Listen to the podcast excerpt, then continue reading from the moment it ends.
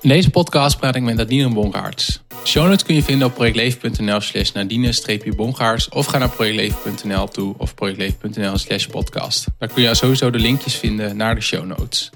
Momenteel promoveert Nadine in de synthetische biologie aan het Nationaal Instituut voor Gezondheid en Medisch Onderzoek in Parijs.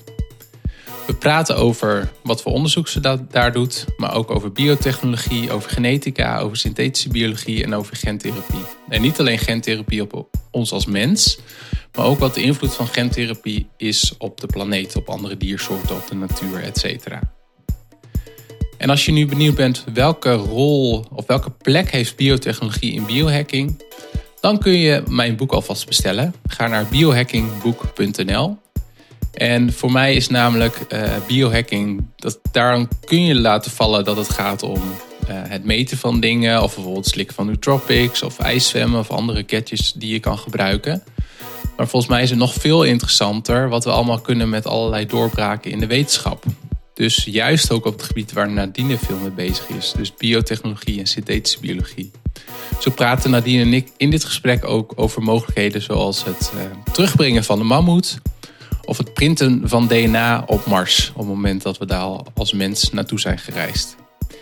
Maar ook als je dit uh, nu denkt van nou, dit is way too much voor mij. Uh, ga heel graag luisteren. Want Nadine is behalve dat ze heel erg slim is in de inhoud heeft ze ook een bedrijf opgericht wat zich richt eigenlijk op wetenschapscommunicatie en onderwijs. Dus je zult ook merken dat ze het heel duidelijk kan uitleggen van wat synthetische biologie is, wat biotechnologie is, het werk wat ze doet en wat voor impact dat heeft eigenlijk op de toekomst.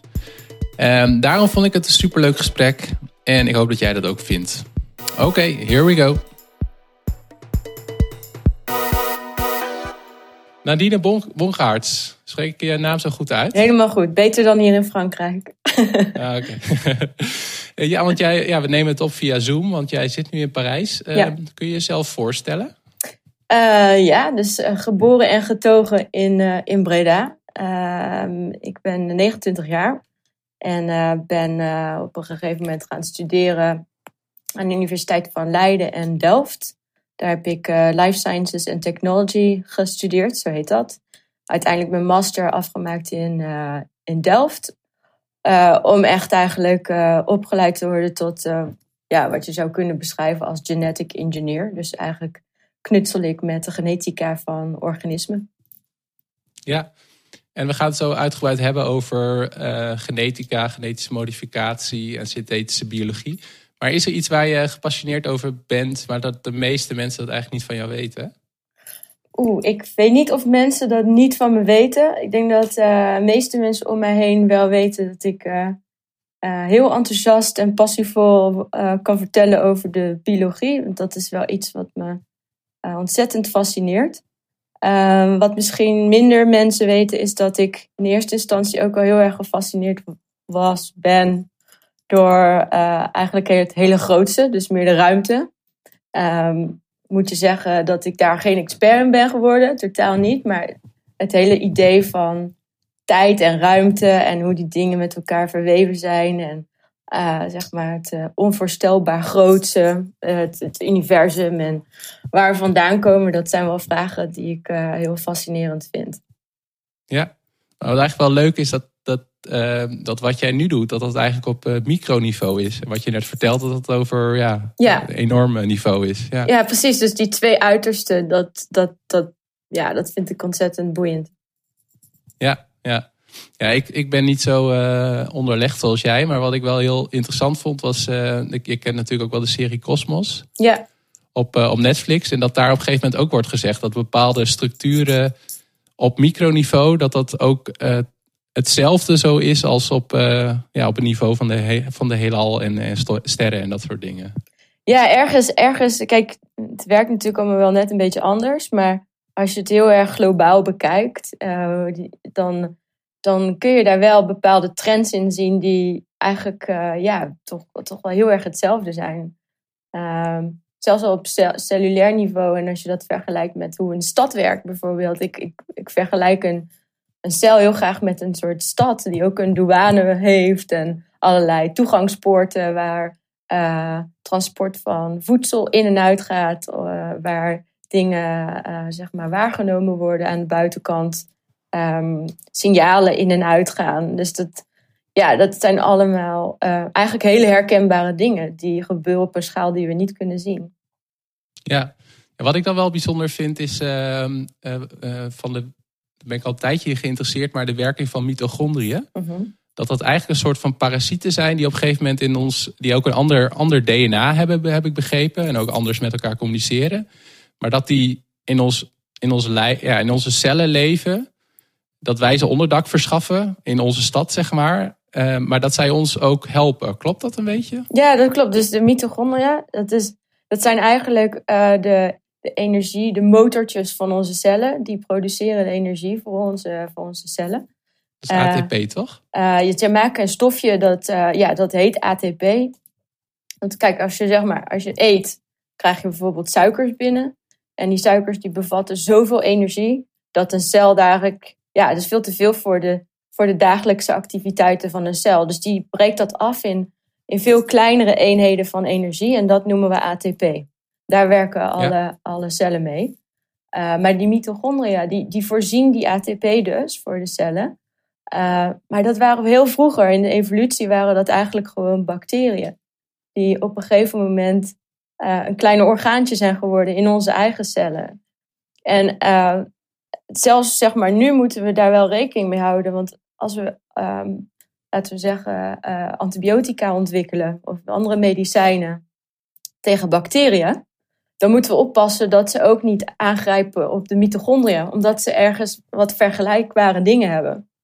Dus uh, dat is best wel boeiend dat eigenlijk ja, iets wat evolutionair gezien zo ontstaan is, dat dat soms ook wel eens nadelig is, omdat we dus um, ja, beperkt zijn met bepaalde, in bepaalde situaties met wat we zeg maar, in de gezondheidszorg kunnen doen. Daar moeten we rekening mee houden. Ja, ja. En is dat ook iets waar je nu rekening mee houdt? In je, want je doet nu promotieonderzoek in Parijs naar antibioticum voor tuberculose. Ja. Uh, is dat dan ook iets waar je rekening mee houdt? Nou, mijn stadium, uh, in mijn stadium niet, niet meteen. Um, ik, uh, ik ben nu nog ja, heel globaal zeg maar, aan het screenen naar moleculen die mogelijk kunnen, kunnen helpen tegen, tegen tuberculose. Maar dat ja, in de beginfase dan dan ben je nog iets minder specifiek aan het kijken van oké, eh, hoe zorg ik ervoor dat ik voldoe aan alle criteria. In eerste instantie zoek je dingen die gewoon een effect hebben. En daarna ga je kijken, oké, hoe kan ik het beter maken en hoe zorg ik ervoor dat het helemaal veilig is. En dat het uh, veilig is voor in de eerste instantie een dier en dan, in, en dan later ook in de mens. Um, maar waarschijnlijk ga ik dat voor mijn promotieonderzoek niet meer meemaken, omdat ik echt in de hele eerste stapjes bezig ben. Ja, ja. En nog een uh, mooi stapje terug dan. Waar is ooit je interesse dan begonnen in, in, in uh, ja, biologie of biotechnologie, of hoe je het ook wil noemen? Nou, um, ik had uh, eigenlijk in eerste instantie helemaal niet het idee dat ik wetenschapper wilde worden. met het idee van wat, hè, op het, antwoord op je vraag, op de vraag: wat wil je laten worden? um, dat begon eigenlijk eerst met uh, danseres, psycholoog, dan weer dokter. Uh, ja, hebben allerlei ideeën de revue zijn, uh, zijn die gepasseerd. Maar uiteindelijk ehm, moest ik voor mijn profielwerkstuk een onderwerp kiezen. En toen las ik een artikel in de Kijk dat een aantal wetenschappers groene thee aan, aan minuscuul kleine wormpjes hadden gegeven. En daardoor konden ze in één keer twee, drie keer langer leven dan normaal. En uh, ja, die vraag die triggerde wel wat in mij. En ik vroeg me af hoe dat nou kon. En ik dacht van, ja, weet je wat? Ik ga gewoon proberen om hetzelfde te doen, maar dan op fruitvliegjes die we in ons uh, schoollab hadden. Uh, toen heb ik een aantal testjes gedaan. Uh, uiteindelijk was het experiment helemaal in de soep gelopen, omdat iemand de, de verwarming van de incubator te hoog had gezet. Dus op bijna aan het einde van, van mijn schooljaar gingen al die vliegjes dood. Dus kon ik niet meer testen of ze nou wel of niet langer leefden. Um, maar daaromheen heb ik ook heel veel literatuuronderzoek gedaan. En toen, toen ging er echt een nieuwe wereld voor mij open in ieder geval. Dat ik echt zag van wow, die wereld waar ik helemaal niks van wist, uh, als je maar lang genoeg eigenlijk als een detective door al die literatuur spit, uh, dan kom je er langzaam maar zeker achter um, ja, hoe complex dat werkt, hoe, hoe al die interacties werken tussen eiwitten in cellen. Uh, en dat heeft toen wel me doen besluiten om, om daar verder mee te gaan. Ja, ja. En hoe, is, hoe ben je bij, uh, ja, bij je onderzoeksonderwerp of je plek, promotieplek in Parijs eigenlijk gekomen? Nou, dus eigenlijk um, tijdens mijn studie uh, leer je eigenlijk heel veel wat er al ontdekt is hè, over al die, al, die, al die cellen. En, um, was, het was een hele brede opleiding, dus ik kreeg ook vakken als ja, kwantummechanica zelfs, of, of wiskunde, scheikunde. Um, en daarna um, kreeg ik een mogelijkheid om mee te doen met een wedstrijd, dat heet. En dat is een internationale wedstrijd voor de synthetische biologie.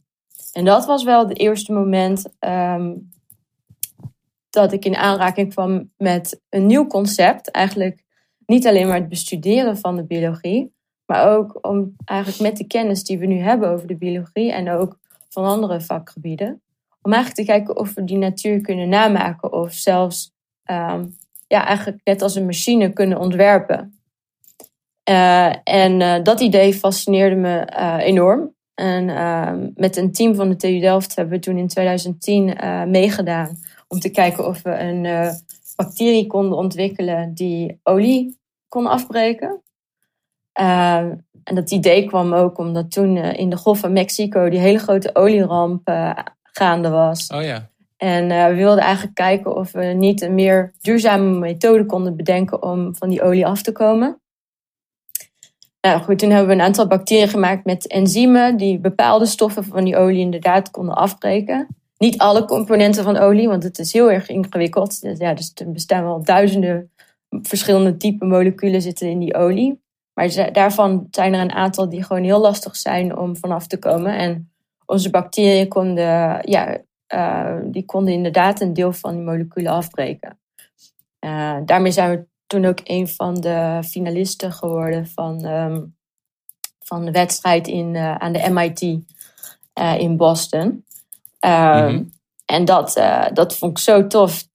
dat, dat eigenlijk sindsdien ik alleen maar meer gaan, ben gaan specialiseren in die synthetische biologie. En dat doe, ik, dat doe ik nu in Parijs ook, maar dan meer op een medisch vlak. Dus ik probeer op dit moment een methode te ontwikkelen waardoor we sneller kunnen screenen voor nieuwe antibiotica tegen tuberculose in de eerste instantie. Maar het zou ook kunnen dat we ook um, voor andere um, infectieziekten kunnen screenen. Um, en je moet je voorstellen dat de methode eigenlijk een beetje lijkt op het bouwen van een muismodel. Hè, wij, wij gebruiken een muis om uh, medicijnen te testen die uiteindelijk voor ons misschien een werking kunnen hebben. Uh, wat ik maak is eigenlijk een muismodel voor een ziekmakende bacterie. Dat wil zeggen dat ik niet de, de ziekmakende bacterie gebruik om op te experimenteren. Wat een stuk fijner is voor mij, want ja, ik, ik heb mindere uh, risico's om, uh, om me zorgen over te maken. En ik heb ook um, het voordeel dat ik met een bacterie, dus eigenlijk mijn model, hè, mijn muismodel is eigenlijk een andere bacterie, die een stuk sneller groeit, waardoor ik sneller mijn tests kan doen. En die dus ook veiliger is. Dus dat, dat zijn twee voor, de uh, twee voornaamste voordelen uh, waarom we zo'n methode graag zouden willen hebben.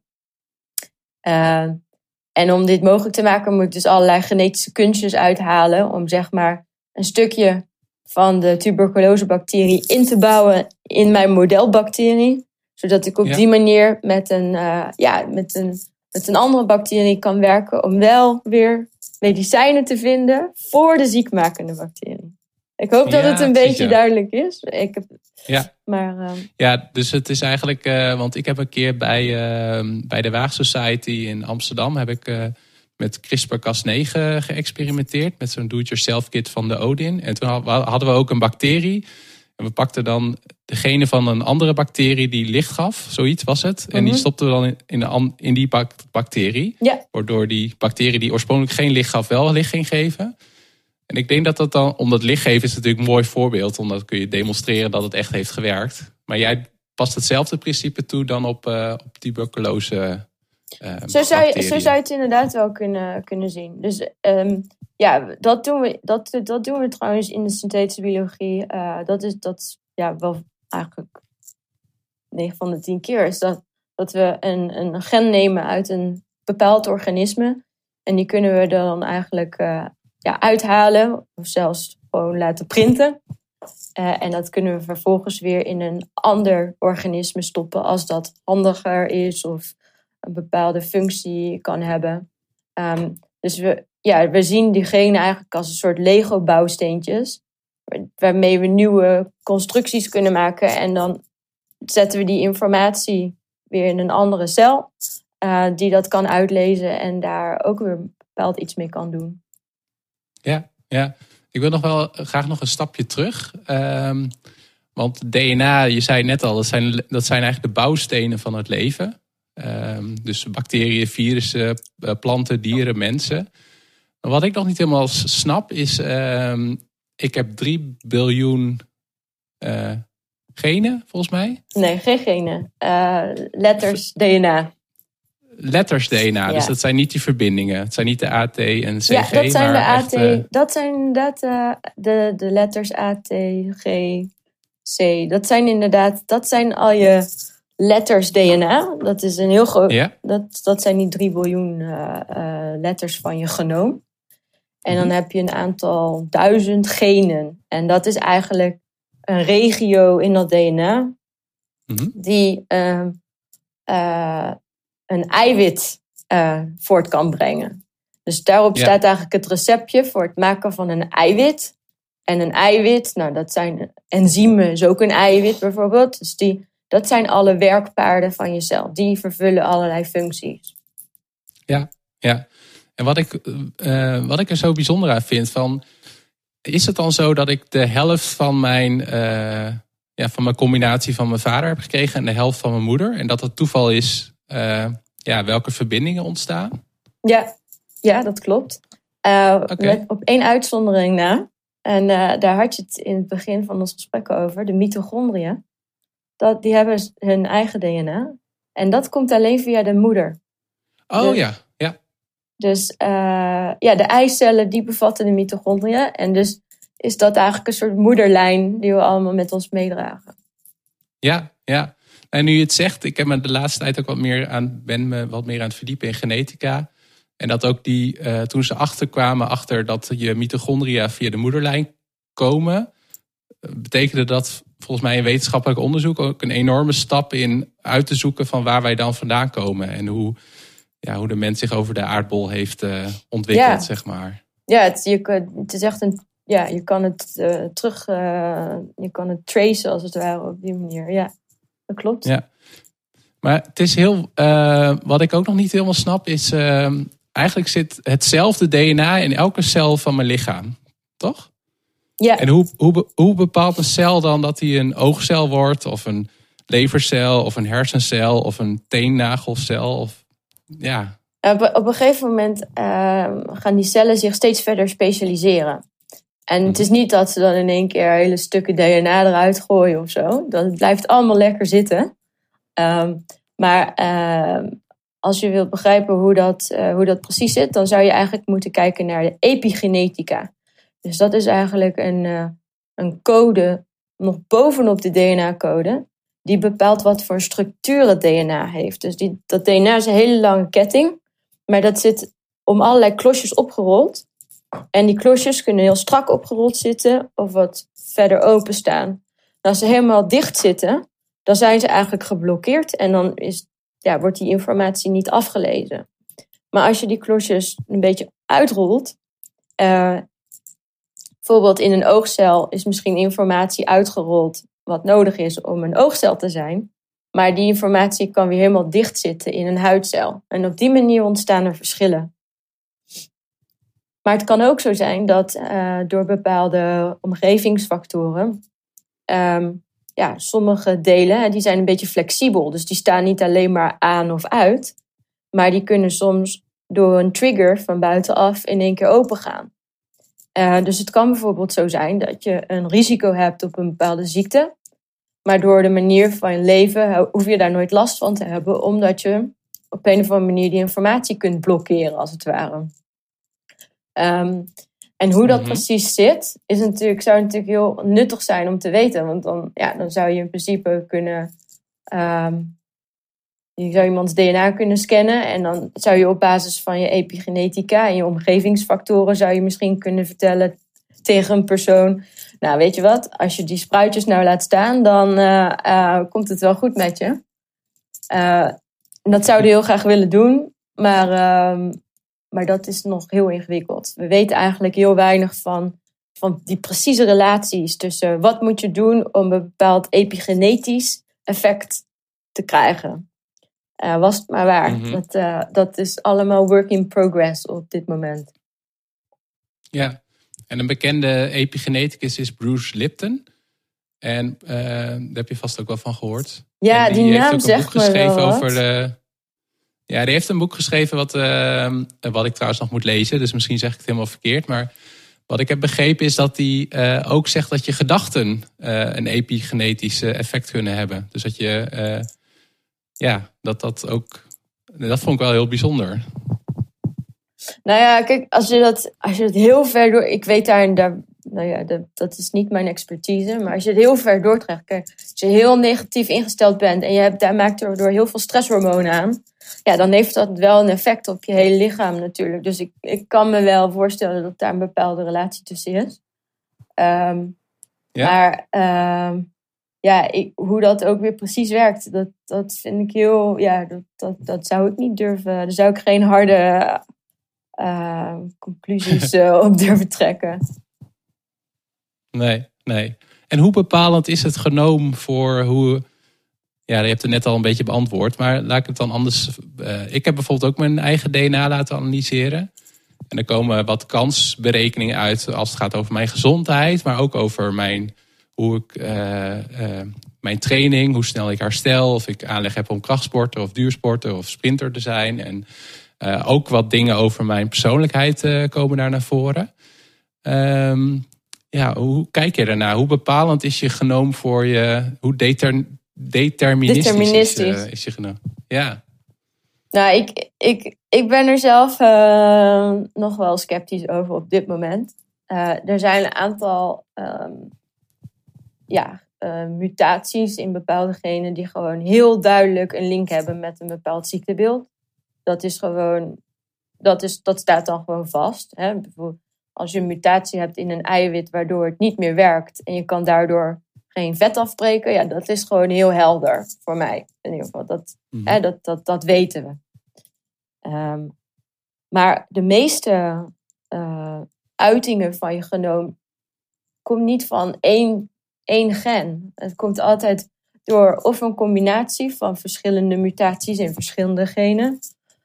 Um, of uh, een combinatie tussen epigenetica en, uh, en, en, het, en het genoom en je omgeving en, en je opvoeding. En, ja. Dus um, ik, denk dat we, ik denk dat we wel beter worden in het voorspellen van steeds meer dingen. Um, maar sommige uh, zaken zijn gewoon wat makkelijker te voorspellen dan andere. En met name hè, intelligentie, uh, of um, ja, wat zijn andere? Creativiteit. Of je sociaal bent of niet. Dat zijn nou typisch dingen die gewoon een combinatie zijn van heel veel verschillende factoren. Mm en ik zou op dit moment in ieder geval geen enkele test geloven die een voorspelling zou geven van nou, jij je hebt een, je hebt een eh, volgens mij heb jij een IQ van, IQ van, uh, van tussen de 100 en 110. Uh, ja, zoiets bestaat gewoon nog niet. Nee. Gelukkig ook maar, als je het mij vraagt. Ik denk dat het ook wel. Ik hoop in ieder geval dat we verstandig omgaan met die informatie die we steeds meer tot onze beschikking hebben. Um, we willen wel alles weten, maar um, soms vraag ik me wel af of we verantwoordelijk genoeg zijn om daar de juiste dingen mee te doen. Ja, ja.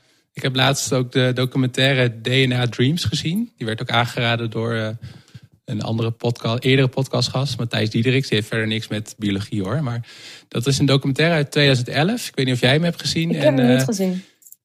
Uh, dat, dat speelt zich af in China, waarin ze dus ook echt, nou, uh, eh, 10.000 of 1000 uh, hoogbegaafde kinderen uh, gaan sequencen, DNA en gewone kinderen. En dan echt ja, uh, keiharde big data analyses en kunstmatige ja. intelligentie gaan toepassen om te kijken van welke genen zijn inderdaad verantwoordelijk voor intelligentie.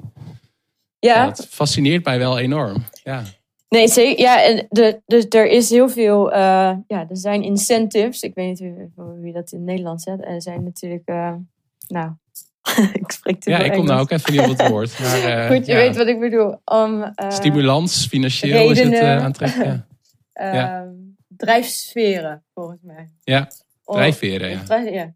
Om, um, om dat te weten. Um, er is wel eens iemand die is, ja, ik hoorde, ik kan de naam even niet meer herinneren, maar ik heb wel eens iemand gehoor, gehoord die zei van ja, um, op individueel niveau zou dat misschien niet echt een verschil kunnen maken als je voor bepaalde. Um, stel je, je, je, je scant al die genomen en je ziet dat er inderdaad een bepaalde trend is. Um, als je dat op. Uh, hè, stel je voor, je, laat, je gaat dan al die baby's voorzien van zo'n bepaalde, zo'n bepaald genotype, zo, die bepaalde genetische eigenschappen. Um, dan hoeft het op individueel niveau misschien niet per se een uh, heel duidelijk effect te hebben. Maar op het niveau van miljoenen mensen zou dat wel uh, het, misschien het gemiddelde IQ omhoog kunnen halen. En dat zou dan wel weer economische consequenties kunnen hebben. Maar ja, I don't know. Ik, uh, dat is ook een beetje eng, hè? Beetje ik vind het, uh, ik vind het, ja, ik vind, ik, ik zie die richting niet zo graag. Uh, dat het, ik, ik hoop dat het niet zo nee. ver komt. Maar ja, dat daar hard aan gewerkt wordt, is wel, ja. is wel duidelijk. Dat is absoluut, ja. dat is absoluut waar. Ja. Of het gaat lukken, uh, dat moeten we gaan zien. Ja. Um, ja. Niet met mijn en, baby. Uh... nee, ik, kreeg, ik had. Vorige week gaf ik een lezing op de Health Business Week van de Erasmus Universiteit. En toen vertelde ik ook over onder meer genetica, genetische modificatie. En toen kreeg ik na afloop ook de vraag: van zou je zelf ja, willen selecteren op je. Ik, ik heb geen kinderen, ook niet in, in de maak, zeg maar. Maar dat vond ik wel een intrigerende vraag, inderdaad. Want volgens mij begint het met testen die we nu al hebben. Ja. Um, maar er is ook bijvoorbeeld een Amerikaans bedrijf, Council. Die heeft nu een genetest ontwikkeld, zeggen ze, dat ze op 100 risicofactoren ehm, al een analyse kunnen doen. En die zeggen ook van, nou in de toekomst wordt het net zo normaal als een zwangerschapstest. Dat je als je zwanger bent, dat je zo'n test doet van wat zijn de risicofactoren van een kind. En gaan we dan op een gegeven moment ook naar inderdaad met een, ja, ik vind het een beetje naar woord, naar designer baby's en embryo selectie. Ja, dat, ja, ben je daar bang voor? Nou ja, bang uh, niet per se, maar ja, ik, ik, ja, ik, ik vind het nog. Uh, ik ben ook nog niet. Uh, ik zit ook nog niet midden in het kinderenkraag. Ik heb ook nog geen kinderen. en ik nee. vraag me wel af hoe ik daarover nadenk als ik als het heel erg. Als ik in die situatie zit en misschien ook de mogelijkheid heb om te, om te screenen. Um, als ik. Misschien als ik wat ouder was, en ik ben nu nog geen dertig, maar als ik zeg maar rond mijn 35ste of misschien wel veertigste kinderen zou krijgen, dan zou ik het misschien wel doen. Want ik weet dat die risico's hoger zijn, dat, je, dat er misschien iets aan de hand is met een, met een ja. kind. Um, uh, als ik nu een kind zou krijgen, zou ik dat misschien niet doen, omdat ik weet dat die risico's relatief laag zijn. En dat ik um, dus ook niet per se. Um, ja, dus, dus ik denk dat het hangt van, ja, dat misschien van de situatie afhangt. En ik heb ook niet direct familie uh, of genetische afwijking in de familie waar ik heel bang voor hoef te zijn. Dus dat is misschien uh, ook nog een reden om het dan niet te doen. Um, maar als ik dat wel zou hebben, zou ik het misschien wel doen. Dus ik, vind, ja, ik denk dat het heel erg van je situatie afhangt. Ja, ja. En dan wil ik het bruggetje maken van uh, met genetica weten we steeds meer over, uh, ja, ik noem het vaak het besturingssysteem van het leven. En net als uh, computerhackers kunnen ingrijpen op het besturingssysteem, kunnen, ik noem mezelf biohacker, kunnen, kun je dan ingrijpen op je, ja, op je wetware, op je, op je ja, leven uh, operating systeem, zeg maar. En dat zorgt ook dat bijvoorbeeld, uh, bijvoorbeeld Bill Gates heeft gezegd van als hij nu jong zou zijn, zou hij ook niet meer in computers hacken, maar in de menselijke biologie. Dan brengt mij tot de vraag van uh, CRISPR-Cas9. Hoe, hoe werkt dat eigenlijk? um, nou, uh, het is natuurlijk een super hot item op dit moment. Uh, voordat er CRISPR-Cas9 ehm, was uitgevonden, hadden we al iets, iets, iets, iets wat ongeveer hetzelfde werkte. Maar goed. Um, Talen of zo. Ja? Of en zinkvingers. En, het, het, was alleen wat moeilijker om te ontwerpen en om, om, uh, uh, om daar snel veel veranderingen mee in, aan te brengen in het genoom. CRISPR-Cas is wat dat betreft veel efficiënter en veel sneller. Uh, maar het werkt eigenlijk als het, het. Oorspronkelijk komt het uit het um, hele primitieve afweersysteem van een bacterie. Dus CRISPR-Cas is een systeem wat bacteriën gebruiken om zichzelf te verdedigen tegen uh, virussen die bacteriën aanvallen. En um, dat CRISPR-Cas, het werkt eigenlijk als een soort DNA-schaar die heel specifiek het DNA van die virussen kan aanvallen. Knipt dat kapot. En op een gegeven moment uh, zijn er wetenschappers naar, die hebben dat ontdekt en die dachten: hé, uh, hey, maar wacht eens even. Kunnen we dit systeem nou niet op een andere manier gebruiken? Kunnen we hem niet die schaar niet herprogrammeren, zodat het speciale DNA-stukjes kan knippen uh, uh, met een andere code. Een code waarin wij specifiek willen knippen. En dat lukt inderdaad. Uh, en nu is het een tool waarmee George Church bijvoorbeeld 60 genen in één keer heeft gemodificeerd in, een, in een cel van een varken. Om daar uh, stukjes virus-DNA uit te knippen. Wat, wat, wat een hele bijzondere doorbraak was, omdat dat nooit was gelukt met die zeg maar voorlopers van de CRISPR, de talen en de, en de zinkvingers. Um, dus het is absoluut een doorbraak. alleen um, CRISPR-Cas9 uh, de, de meest genoemde, want er zijn ook nog andere CRISPR-systemen. Er de, de stikt ervan in de natuur, waarvan we, die, ze werken allemaal net een beetje anders. CRISPR-Cas9 is een van de meest gebruikte, omdat het uh, vrij handig is, vrij praktisch. Maar er zijn ook nog andere opties. Um, en er worden ook weer steeds nieuwe CRISPR-systemen ontdekt, as we speak. Um, en werkt dat dan als een, uh, weet ik veel, als een iPhone? Dus de volgende, is dat CRISPR-Cas10 of zo? Of is het nee, nee, niet per, ja, dat hoeft niet per se. Uh, uh, ook D-Cas9, je hebt Cas3. Je, je, hebt allerlei verschillende smaken eigenlijk.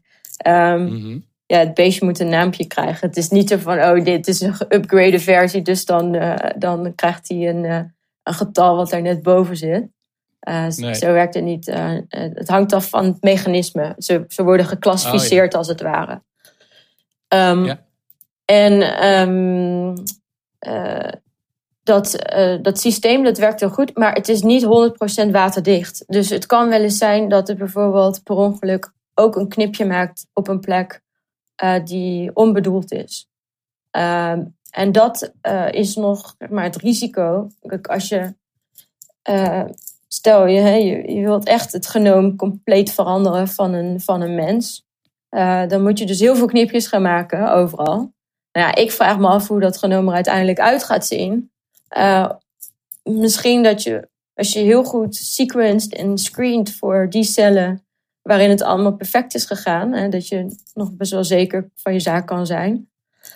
Um, maar er gaat dus ook nog wel eens wat mis. Het is niet zonder risico. Dat je, dat je zo'n mm -hmm. uh, genetische ingreep doet.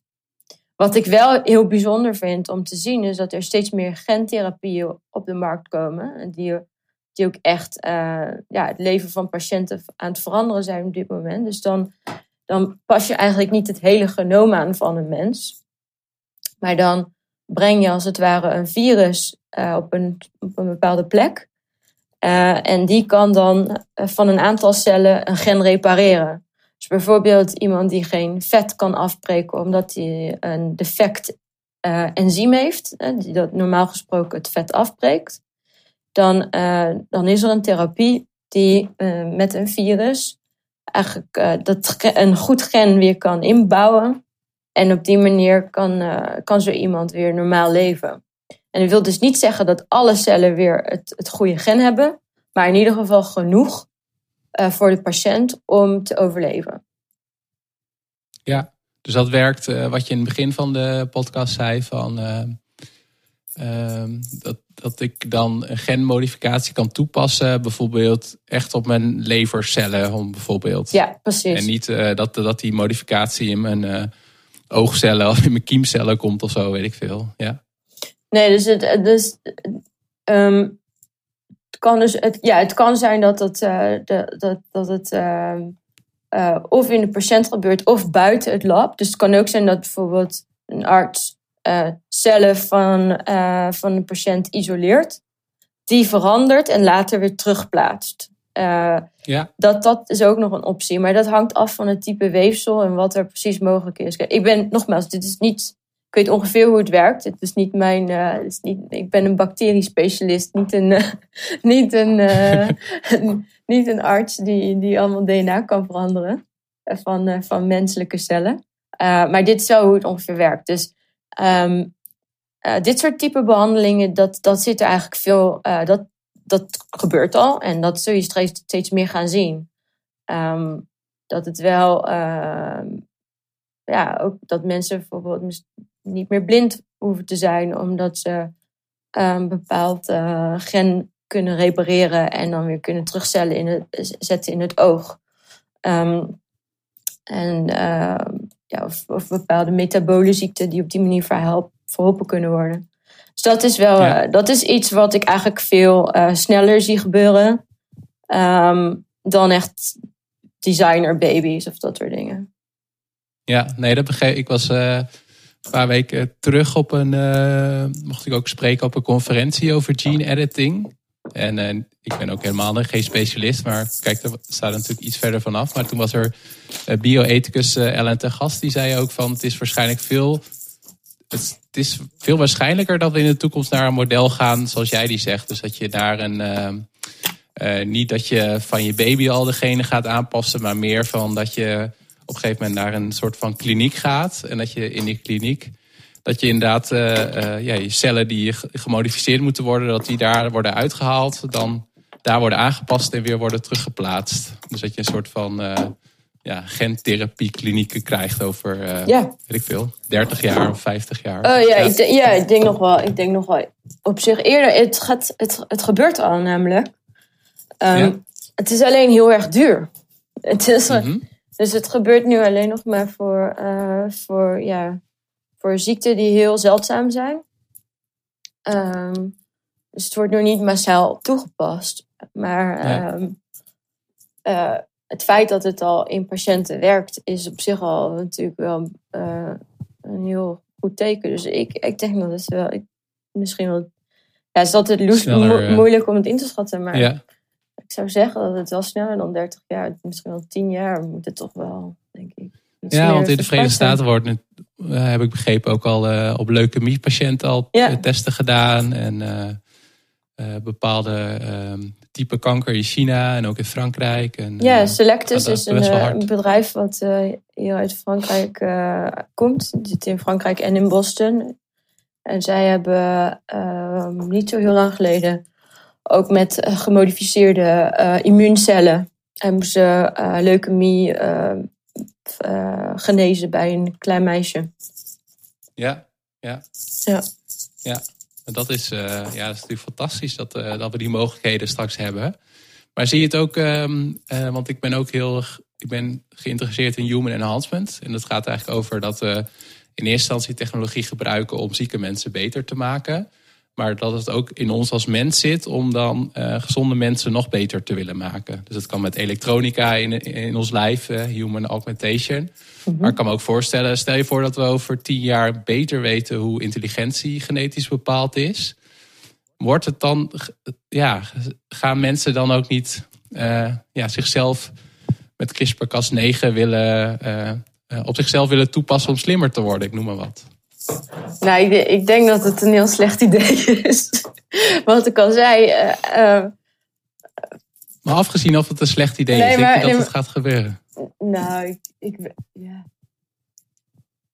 Um, ik denk wel dat. Ik zie het niet zo snel gebeuren met. Uh, ja, CRISPR-Cas9 in je, in, je, in, je, in je bloedbaan spuiten. Uh, met het idee, nou dan gaat het naar mijn. Uh, uh, dat is, lijkt me sowieso vrij lastig. Dat het dan naar je hersencellen gaat. En dan, nou, ik heb hem zo gemaakt dat hij dan even dat gen kan corrigeren. En dan komt het allemaal wel goed. zo, zo, zo simpel is het niet. ik denk dat het dan eerder van de elektronica kant komt. Dat je bijvoorbeeld um, misschien je geheugen kunt upgraden of zo. Dat je op een of andere manier informatie beter kan opslaan of weer kan terughalen. Ik denk dat dat nog sneller gaat dan een echte biologische methode. Mm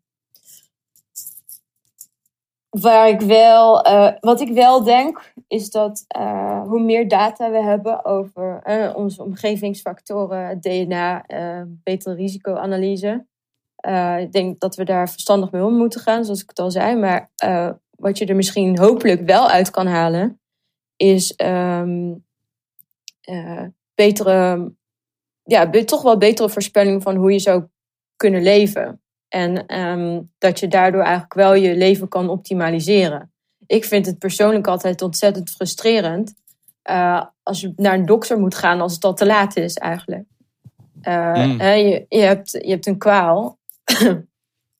uh, En dan kom je in één keer achter, oh ja, maar er is iets met je hart. Of er is iets, of, of je hebt een te hoge bloeddruk. Of, um, dan denk ik, ja, als, als je nou van tevoren had geweten hoe je dat kon voorkomen, um, dan had ik je niet eens hoeven staan. Dus ik denk dat we, ik hoop wel dat we in de toekomst naar een heel ander model gaan van gezondheidszorg. Dat het veel meer gaat over hoe zorg je dat je gezond blijft. In plaats van dat je ziektesymptomen moet, uh, moet gaan fixen.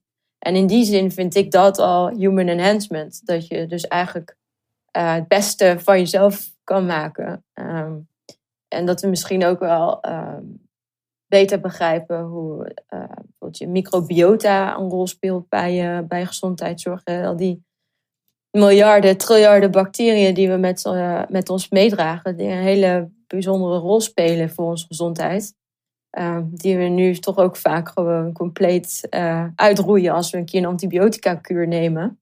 Nou, je, je voelt al hoe slecht je. Daarna voel je gewoon heel slecht. Dus je merkt al um, uh, wat het effect is als je die in één keer niet meer hebt. en dus, ja, je, daar, zitten, daar, daar zijn heel veel onderzoekers nu ook volop mee bezig om, om te begrijpen: oké, welke bacteriën spelen welke rol? En wat voor een combinatie?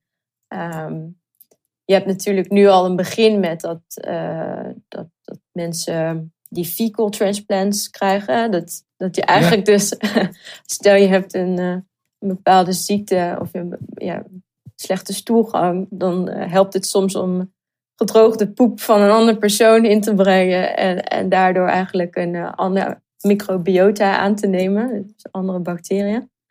Soms helpt dat, soms helpt het niet. Het is nog steeds eigenlijk een soort black box. Het is echt ook wel weer een experiment nog steeds. Ehm, en uh, ik denk dat al die ontwikkelingen over een aantal jaar ons veel meer inzicht gaan geven in hoe we dat, uh, hoe we onze gezondheid uh, beter kunnen behouden.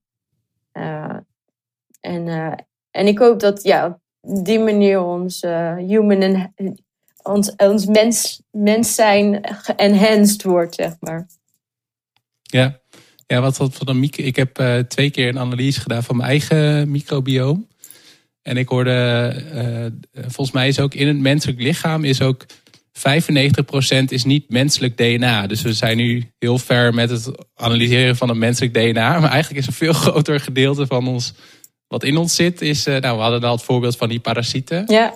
Uh, van de mitochondriën. Maar eigenlijk die bacteriën die maken ook een veel groter deel uit van wat we zijn. Dus eigenlijk weten we eigenlijk nog helemaal niet zoveel. Klopt. En dan, en dan stel dat je het allemaal scant, hè? stel dat we het allemaal wel weten.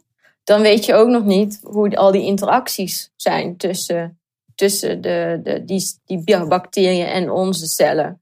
Uh, dus um, zelfs alleen al met die data ben je er ook nog niet. Dus het is enorm veel data. Ja, misschien dat die quantumcomputers, ik weet niet wat ze allemaal kunnen, maar die moeten volgens mij een heleboel ingewikkelde data kunnen verwerken. Uh, dus, uh, dat is gewoon een oplossing. Misschien, misschien dat die het allemaal maar bij. Ik denk, ja, uh, wie weet dat um, dat ook zeg maar, het combineren van dat soort technologieën voor gaat zorgen dat we het beter in kaart kunnen brengen. Um, maar en, en die, die, ik heb toevallig ook die scan gedaan van, van, van mijn microbioom. Heb je dat bij uh, Ubiome gedaan? Ja, ja, onder meer, ja. Um, nou vraag ik me wel af in hoeverre die data ook klopt, als ik heel eerlijk ben. Um, ja, kijk, uh, je krijgt die data op het level van het, uh, uh, ja, het genus. Het, zeg maar, je hebt. dat is een hele klassificatie. Yes, ja, je hebt, inderdaad. Dus, ja. dus die organismen worden in allerlei klassen verdeeld. En eigenlijk um, weet je dan nog niet zoveel, als ik heel eerlijk ben. Je zou eigenlijk echt precies moeten weten, weten welke stam bacteriën je hebt. Dus eigenlijk dan, dat is... Niveautje lager. Dat zijn nog ja, twee, twee niveaus lager volgens mij. Dan weet je pas eigenlijk precies welke bacterie het is. Uh, want sommige stammen kunnen goed zijn of slecht zijn. Dus als je dan weer naar een categorie daar naar boven kijkt, dan zegt dat nog niet per se of dat nou wel of niet goed is. Dus die, die, die, die inschattingsanalyse van het U-biome ja, voor mij is het nog niet, niet echt veelzeggend. Ik vond het wel heel grappig om te doen. Maar die informatie is niet praktisch. Je kan er niks mee. Nee. Nee. Nee, nee daar is nog wel echt een. Uh... En daarom geloof ik ook wel, en misschien ik het een beetje gekscherend, maar ik geloof wel in de combinatie van technologieën. Dus inderdaad, nu kunnen we niet zoveel met, uh, met ons genoom, ons microbiome en ons epigenoom en ons, nou, al die omen. Uh, maar misschien inderdaad door uh, quantum computing of quantum artificial intelligence, dat we steeds meer rekenkracht hebben, dat we er steeds per ja, af, steeds meer mee kunnen. Ja, dus, uh, absoluut. Ja, ja het, is, het is rekenkracht en data. Dus ook ja. om die artificiële intelligentie echt goed te laten werken, heb je enorme hoeveelheden data nodig. Um, nou ja, goed, het feit dat er nu heel veel data verzameld wordt, is natuurlijk, uh, dat is evident. Uh, als je dat combineert met die rekenkracht die ook steeds meer toeneemt, ja, dan kan je conclusie alleen maar zijn dat we het toch wel steeds beter kunnen voorspellen uh, op basis van die data wat, wat, um, wat dat precies betekent. Dus ja, we zitten eigenlijk gewoon in een hele interessante periode waar, waarin we dat allemaal aan het ontdekken zijn. Ja, en ik wou nog wel, weer terug naar synthetische biologie. Want we hebben net over een aantal hele interessante toepassingen gehad. Met name in de, in de gezondheidszorg en misschien ook uh, human enhancement. Uh, wat, voor, wat vind jij nu de meest toffe dingen? Is dat, dat we, is dat synthetisch DNA of dat we leven kunnen gaan printen op Mars? Of zijn dat uh, biomaterialen en biosensoren? Waar word je echt enthousiast van? Nou ja, van alles wel. um, ja, je ziet gewoon dat, dat dat die synthetische biologie een hele nieuwe kijk geeft op al die verschillende industrieën die, die we al, waarmee we heel erg bekend zijn. Dus uh, gezondheidszorg, energie ook. Uh, we kunnen biobrandstoffen maken, we kunnen um, producten duurzamer produceren. Um, ja, ik zeg wel vaker, de, de, de natuur maakt niks wat hij ook niet kan afbreken. En uh, met die synthetische biologie gaan we gaan we dus, hoop ik, steeds meer naar een wereld um, die veel meer lijkt op de natuur. Dus eigenlijk is de synthetische biologie een technologie die het dichtst bij de natuur staat. Um, en ook als ik het iets filosofischer bekijk, dan die natuur, ja, die synthetische biologie, die um, dwingt ons eigenlijk ook wel heel erg tot nadenken. Want we wilden altijd, hè, je zei ook al, technologie, natuur, die twee dingen die worden altijd heel erg apart gezegd. Uh, maar bij synthetische biologie lukt het eigenlijk niet om te zeggen: is het nou natuur of is het nou natuur? Of sorry, natuur of is het technologie? het is allebei. En uh, voor mij is de natuur ook net zo goed technologie. Want hoe meer ik erover lees en uh, ook zelf mee bezig ben natuurlijk, uh, hoe meer ik tot het besef kom van wow, dit is zo'n gigantisch knap gemaakte technologie. Dit is, um, ja, als ik, daar, ik, ik begrijp daar nog maar een, een, een topje van de ijsberg van. En elke keer als ik een experiment doe waarvan ik denk van oké, nou, dit gaat helemaal lukken. Uh, heel vaak lukt het dan alsnog niet, omdat er dan iets is wat ik door, over het hoofd heb gezien. Of er is iets dan gaande, uh, wat ik natuurlijk ook niet kan zien. Ik kan niet in zo'n cel kijken om precies te zien wat er aan de hand is. Dus ik moet dat allemaal indirect, als het ware, meten. Um, maar het, ver, het verbaast je dan dat er toch nog iets aan de hand is waar je, waar je geen weet van hebt. Um, omdat de natuur je als het ware te slim af is. Zo'n gevoel heb je dan van ah, shit. um, ik dacht dat ik zo slim was, maar blijkbaar uh, ben ik er nog lang niet. Uh, ik heb enorm veel respect gekregen voor de natuur, hoe meer ik ook met, met dit vakgebied bezig ben. En, uh, en die tweedeling, uh, ja, technologie, natuur, die is eigenlijk uh, die bestaat voor mij niet, niet, niet zo meer. En ik hoop dat we door de ontwikkelingen, wat ik al zei, ik, ik, ik denk dat het, ik hoop echt dat het uh, ons wat dichter bij de natuur gaat brengen. Ja, ja. Ja ik zeg uh, vaak of graag van uh, biologie is de ultieme technologie. Omdat je ja, op het moment dat we onze, met biotechnologie de biologie kunnen veranderen, of geen, moleculaire processen, hebben we veel directer impact eigenlijk op, op dingen die we kunnen veranderen. Um, maar vind jij, wat, wat ik ook nog wel een interessant voorbeeld vind, is uh, in najaar was ik op een congres en er was iemand die sprak over bijvoorbeeld het laten terugkeren van de mammoet. Is dat dan een goede vorm van dat wij natuur kunnen helpen? Of denk je van nou, dat gaat misschien wat te ver? Ja, George Church is dat. Um, ja, kijk, ik, ik weet niet, op zich het, het terugbrengen van een mammoet zou zo'n beest daarop zitten te wachten om, om, uh, uh, om weer, om weer op deze aarde te leven. Ehm, zou die een goed leven kunnen hebben? je kunt het uit, op, op zoveel manieren bekijken. Ehm, economisch gezien zou het voor een aantal mensen natuurlijk heel goed zijn, omdat ze daar flink veel geld mee kunnen verdienen. Ehm, even vanuit mijn wetenschappelijke oogpunt, als dit lukt, is dat natuurlijk een gigadoorbraak. Dat is gewoon, ja, uh, heel erg knap. Als, dat, als dat gewoon, maar het, het, idee dat we zoiets zouden kunnen doen, is uh, uh, is voor de wetenschap wel echt, echt een doorbraak waar we heel veel van leren. Of het ethisch, sociaal gezien eh, goed is om te doen, I don't know. Um, nee. Ja, waar, waar, houdt het dan op? Waar moet, moeten, we dan, moeten we dan ook weer andere dieren terug gaan brengen? Um, uh, ja, lastige vraag, weet ik eigenlijk niet. Dus ik, kan, ik, kan, ik, ik kan het wel een soort van voor mezelf beschrijven vanuit verschillende oogpunten. Uh, ik kan me ook best wel voorstellen dat mensen daar helemaal tegen zijn. Dat, uh, dat ze zeggen van ja, uh, dit moeten we gewoon niet willen. Dit, de, de, de natuur is hier niet meer op ingesteld. Of, um, ja, ik, ik, weet, ik, ik weet niet. Ik, ik zou het eerlijk gezegd niet weten. ik denk dat ook niemand het weet. Ik, Nee, ik denk het ook niet. Wat ik er een beetje op. Uh, dus aan de ene kant vind ik, het, uh, vind ik het zelf heel erg gaaf. Maar wat ik er een beetje op tegen heb, is dat we dat is ook meer filosofisch. Misschien soms als mens te veel het idee hebben dat we alles kunnen beheersen en alles kunnen controleren. En Mm. ik vraag me dan af of we dan, wat jij net zei met je, met je experimenten, dat, je, dat we soms dat we iets in, in gang gaan zetten wat we niet hadden voorzien. En dat het later eigenlijk als een soort van boemerang terugkomt.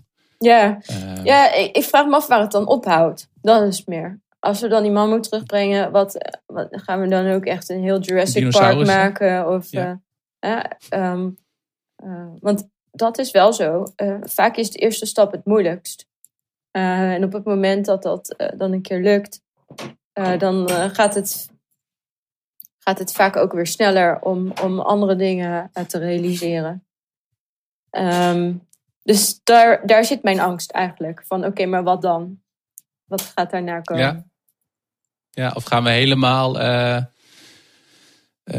dieren maken, organismes maken, gewoon helemaal from scratch, zeg maar. Dus, want nu mammoet of dinosaurussen zijn nog dier, eh, organismen die ooit op aarde hebben geleefd, maar kunnen op een gegeven moment een soort van bouwpakketten maken en gewoon helemaal zelf bepalen hoe wat voor.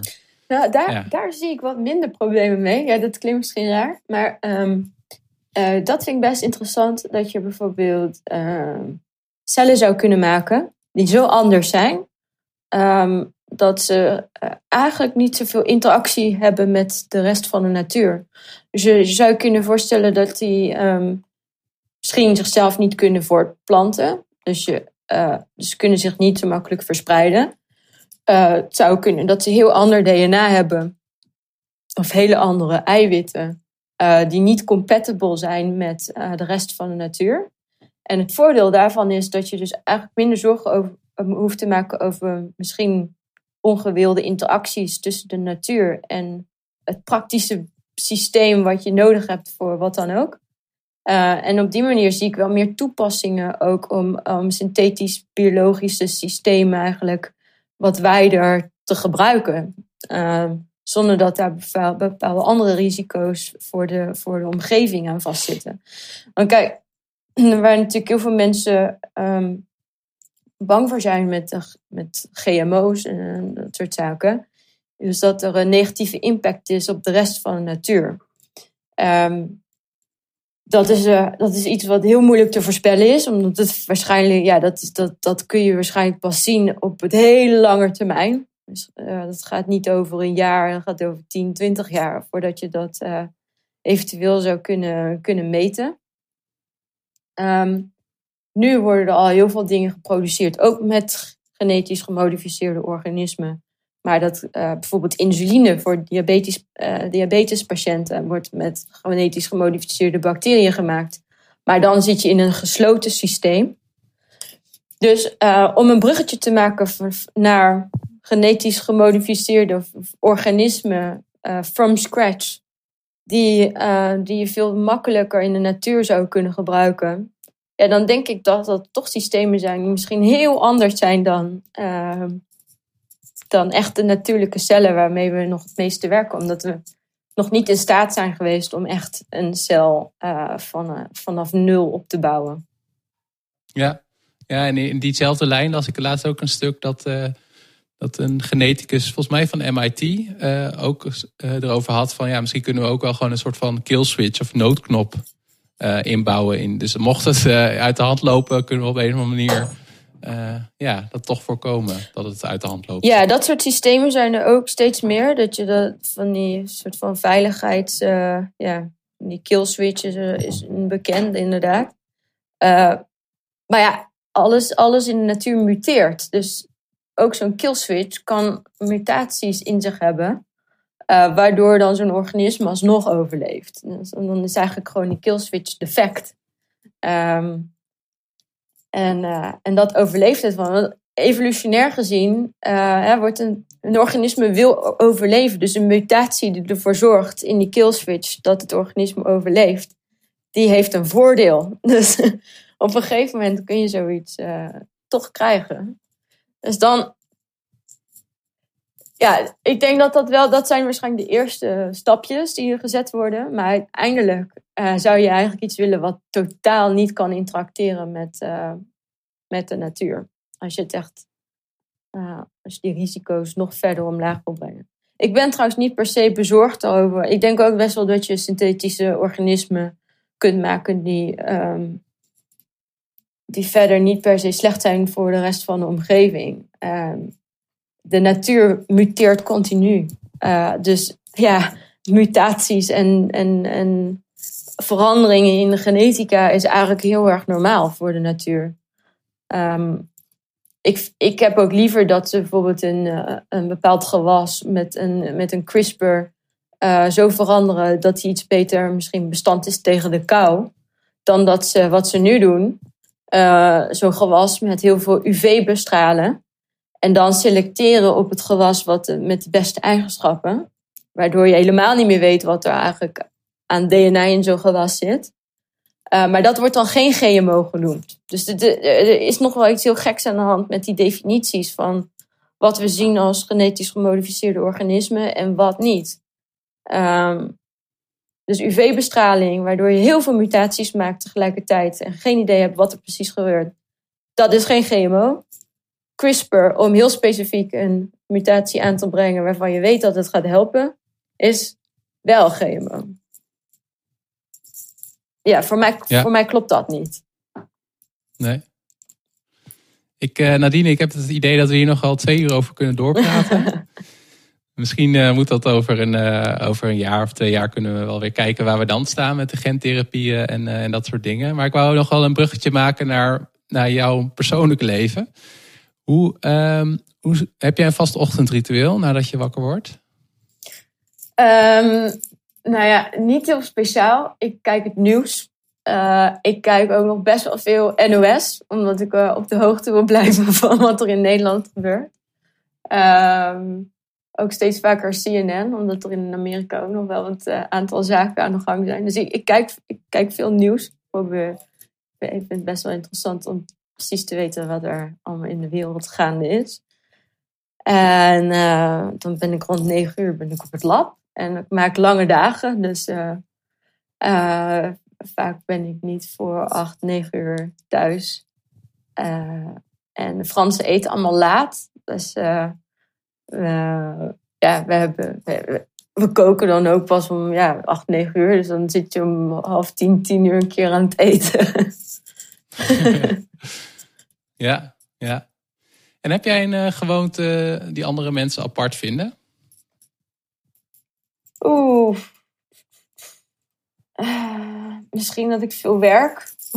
Uh, Heb je nog een uh, gewoon Nederlandse gewoonte. gewoonte in Frankrijk die mensen apart vinden? Een Nederlandse gewoonte.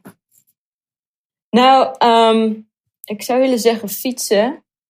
Maar ik fiets niet zoveel meer. Uh, want uh, het fietsen hier is een stuk gevaarlijker. um, ik, uh, ik, heb mijn hagelslag en appelstroop en pindakaas wel uit Nederland meegenomen. Dus dat, uh, dat uh, Nederlandse tientje hangt hier nog wel. Ehm, ik, denk, ik denk dat het wel meevalt als ik ben. Het klinkt zo saai. Maar ik zou het zo even niet, niet zo snel weten. Nee. En je hebt al genoemd uh, uh, wat je wilde worden toen je vroeger klein was. Dus ik ben wel benieuwd, uh, wat is je favoriete boek? Nou, ik moet toegeven dat ik niet heel veel lees. tot ook mijn grote spijt. Ja. Ik, heb, ehm, ik heb dyslexie. En ik lees ontzettend oh. langzaam. dus dat frustreert me nog wel eens om echt een boek helemaal uit te lezen. Uh, dus vaak begin ik aan vijf boeken tegelijkertijd. Want dan denk ik, oh, dit is interessant. Uh, maar heel veel daarvan lees ik niet helemaal. dat is het hele eerlijke antwoord. Ik heb wel een boek, uh, dat vond ik heel leuk. Ik heb hem trouwens hier even meegenomen. Dat heet um, Evolving Ourselves. Ik weet niet of je hem kent. Nee. Maar dat geeft wel een heel leuk... dat slaat ook wel op heel veel dingen waar we het over hebben gehad. Dus het gaat over ja, hoe we eigenlijk onszelf evalueren en uh, allerlei nieuwe inzichten over DNA, maar ook over het effect van um, um, omgevingsfactoren zoals uh, luchtvervuiling, dat soort zaken. Dus dat kan ik wel echt aanraden om niet te lezen als je, als je een leuk boek wilt over nou goed, alle nieuwe inzichten en wat voor een effect dat heeft op hoe we onszelf eigenlijk aan het evalueren zijn. Dat is van uh, Juan Enriquez. Ehm, en verder was ook een leuk boek. Um, is het, het, boek een soort van biografie over Henriette Lans, Laks. Henriette, even. En ik weet niet of je haar wel eens, um, of, je, of je wel eens van Henriette Laks hebt gehoord. Nee. Um, maar zij was um, ja, Afro-Amerikaanse vrouw maar, die kanker had in de jaren 50. Uh, en bij haar zijn toen die cellen uh, uit haar lichaam gehaald. En uiteindelijk hebben ze het voor elkaar gekregen voor het eerst om die cellen te immortaliseren. Dus zeg maar onsterfelijk te maken. Um, en dat was een gigadoorbraak, want uh, dat waren dus eigenlijk, dat zijn, was de eerste cellijn die ze konden gebruiken voor onderzoek, die nooit doodging. Dus daar konden ze allemaal experimenten mee doen. Uh, en ook tijdens mijn studie heb ik met haar cellen, die dus elke keer zeg maar vermeerderd zijn, vermeerderd zijn, uh, heb ik, ik heb daar ook wel eens mee gewerkt. En ik vond het heel interessant om eigenlijk te lezen waar die cellen vandaan waren gekomen. En hoe ze uit het lichaam waren gehaald zonder toestemming van de familie. Um, en toen ze overleed, gingen die, die, die cellen eigenlijk als broodjes over de toonbank. Alle laboratoria uh, kregen haar cellen om daar experimenten mee te doen. En nog steeds worden die, uh, ja, vandaag worden, worden die cellen uh, ontzettend veel gebruikt. En hebben ze tot heel veel nieuwe inzichten geleid eigenlijk. Maar die familie heeft daar nooit enigs, uh, enigszins toestemming voor gekregen of, of daar iets voor terug gehad. Um, en uh, dat boek geeft dus eigenlijk een stukje geschiedenis weer, die, die ik ook nooit zelf in de collegezalen heb, um, en het geeft bovendien een heel, heel interessant beeld van, die, van de jaren 50 en hoe toch ook wel veel um, Afro-Amerikanen eigenlijk gebruikt zijn voor onderzoek in ruil voor medische zorg. Uh, wat voor ontdekkingen er toen zijn gedaan. Uh, uh, ja, die de basis hebben gelegd voor heel veel dingen die ik zelf aan het doen ben in het lab. Dus dat, dat vond ik vanuit mijn oogpunt heel interessant om te lezen. Maar ik denk dat dit boek. Ehm, ja, ik denk dat allebei boeken zijn, zijn leuk om, om even aan ja. te halen. En verder, Harry, en verder Harry Potter. Harry Potter. ja. Altijd goed. Ja. Het verhaal van die Henriette Laks doet me denken aan, uh, aan de hersenen van Einstein. Kinderen hadden, of hij zelf wou, wou dat niet. En zijn kinderen hadden ook geen toestemming gegeven. Alleen toen hij is overleden, toen hebben ze, heeft de arts die autopsie heeft gedaan, die heeft, dat is echt weer, die heeft gewoon de hersenen gejat van Einstein. Die heeft later ook uh, ja, die cellen verkocht aan andere wetenschappers en zo. En er zijn nog acht onder, ja, publicaties geweest over zijn hersenen. Ja, ongelooflijk. Echt, uh, bizar. Ja. ja. Heb jij een uh, favoriete film of documentaire? Uh, ik kijk heel graag de documentaires van de BBC, Horizon. eigenlijk vind ik ze allemaal super interessant. Er is ook eentje gemaakt over synthetische biologie, die ik echt kan aanraden. Wel weer van een tijdje geleden. maar die is sowieso leuk om te bekijken. Favoriete film? Uh, ja, de, de Matrix. Een van de classics. Uh, maar ook, um, ik probeer op de naam te komen van die film. Uh, ja, ik kom er nou even niet op. Het was een film over de ruimte. waar het ook ging over allerlei dimensies en dingen. Ja, het was een heel, heel bekende film. Maar ik... Interstellar? Interstellar, ja. Ja, ja. die is ook gaaf. Die vond ik heel tof. En heb je favoriete website, blog of podcast? Uh, nou, ik, ik luister zelf heel graag naar de podcasts van Science, Science Magazine. Uh, die geven wel leuke updates over, um, um, ja, over, over nieuwe dingen die, uh, die gepubliceerd zijn in, in Science. En Wait, What, Wait But Why vind ik wel leuk om te lezen als blog.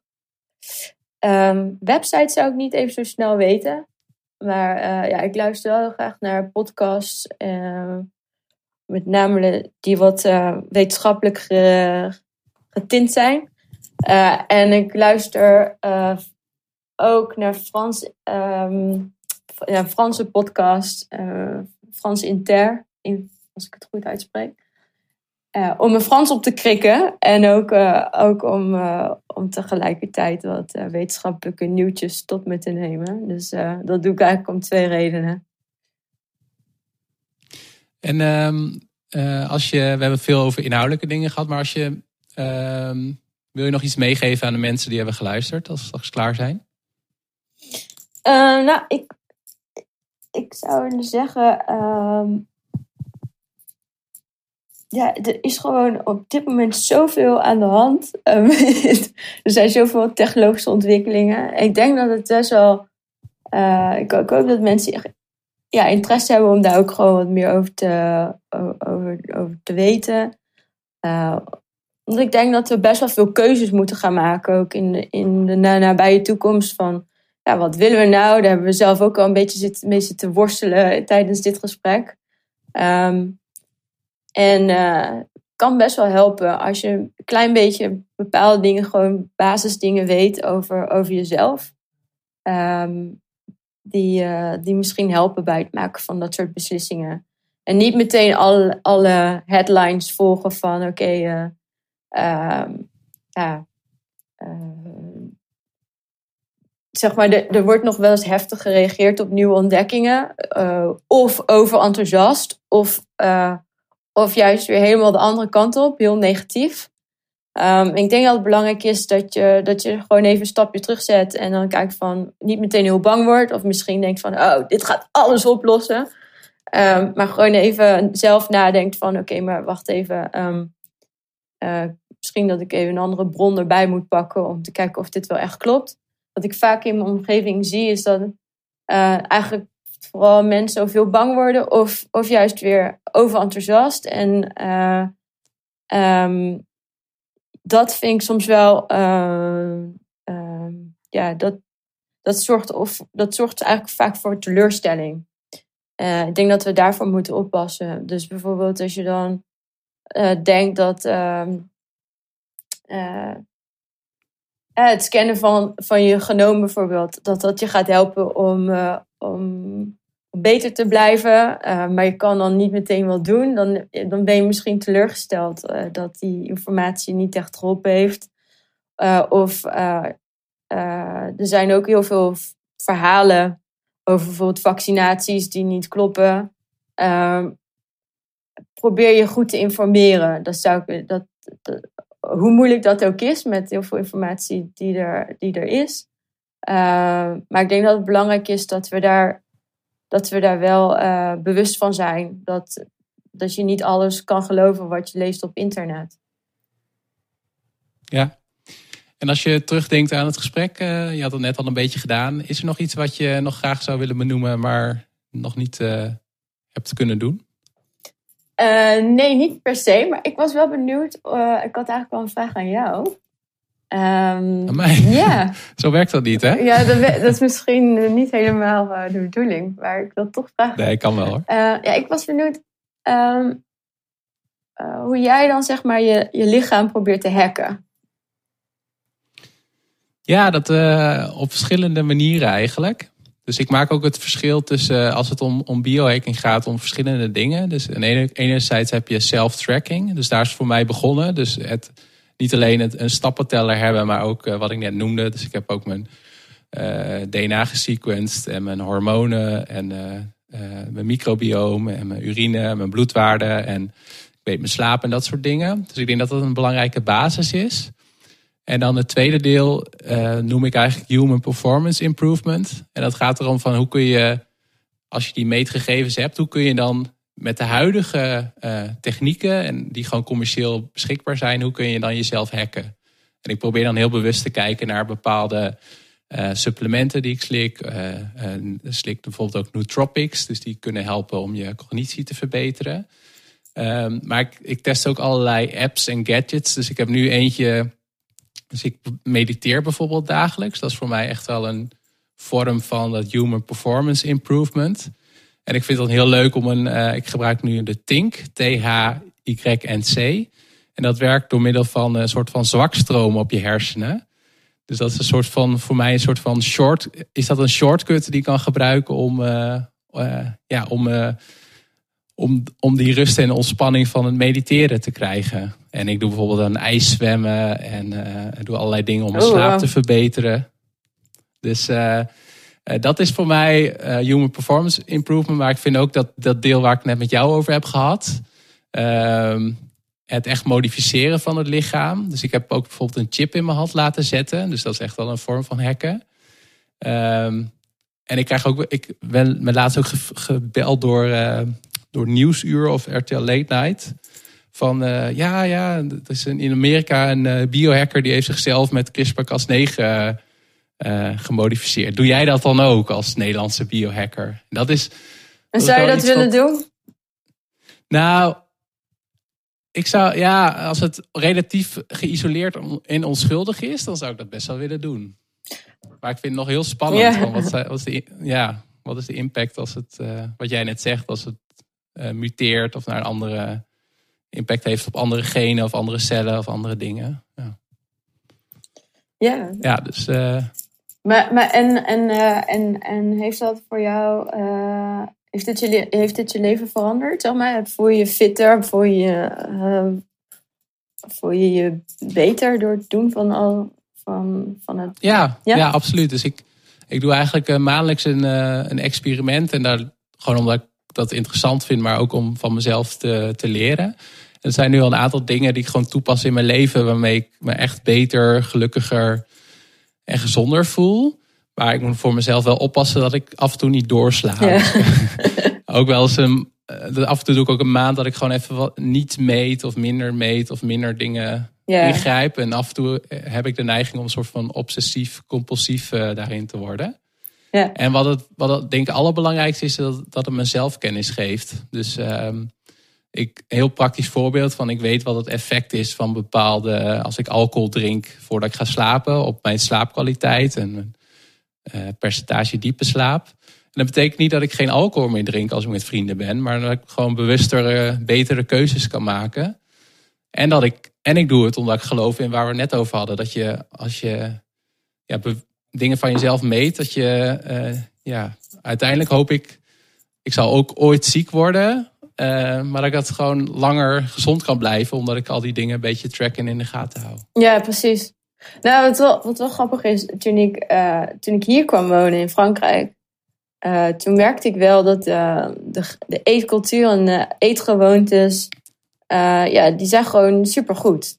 Ehm, als je zeg maar tussen de middag nemen mensen echt een uur pauze om, om rustig te eten met elkaar. En dan niet even snel een boterham met kaas, maar gewoon echt een, echt een fatsoenlijke maaltijd, zeg maar, met, met groenten misschien um, nou, die salade of uh, wat vis of yeah, you name it. Een glas rode um, wijn. Soms. no big deal. Maar um, ik merk wel dat ik me daardoor al een stuk beter voel, bijvoorbeeld. Dat, uh, ik had altijd best wel uh, problemen ook met mijn um, spijsvertering. En uh, die zijn eigenlijk geheel verdwenen op het moment dat ik hier kwam wonen. Dus um, het, heeft, zeker wel een hele grote impact hoe, je, hoe je leeft op, op, je, op de kwaliteit van, van je leven. En ik doe dat niet per se met het, ja, door het verzamelen van heel veel data, maar zeker ook wel met gewoon experimenteren, minder vlees eten. Um, dat, de, de impact van voeding is volgens mij enorm. Ook wel ook bewegen. Bewegen doe ik minder dan ik zou willen. Maar uh, ja, dat, dat is gewoon super interessant.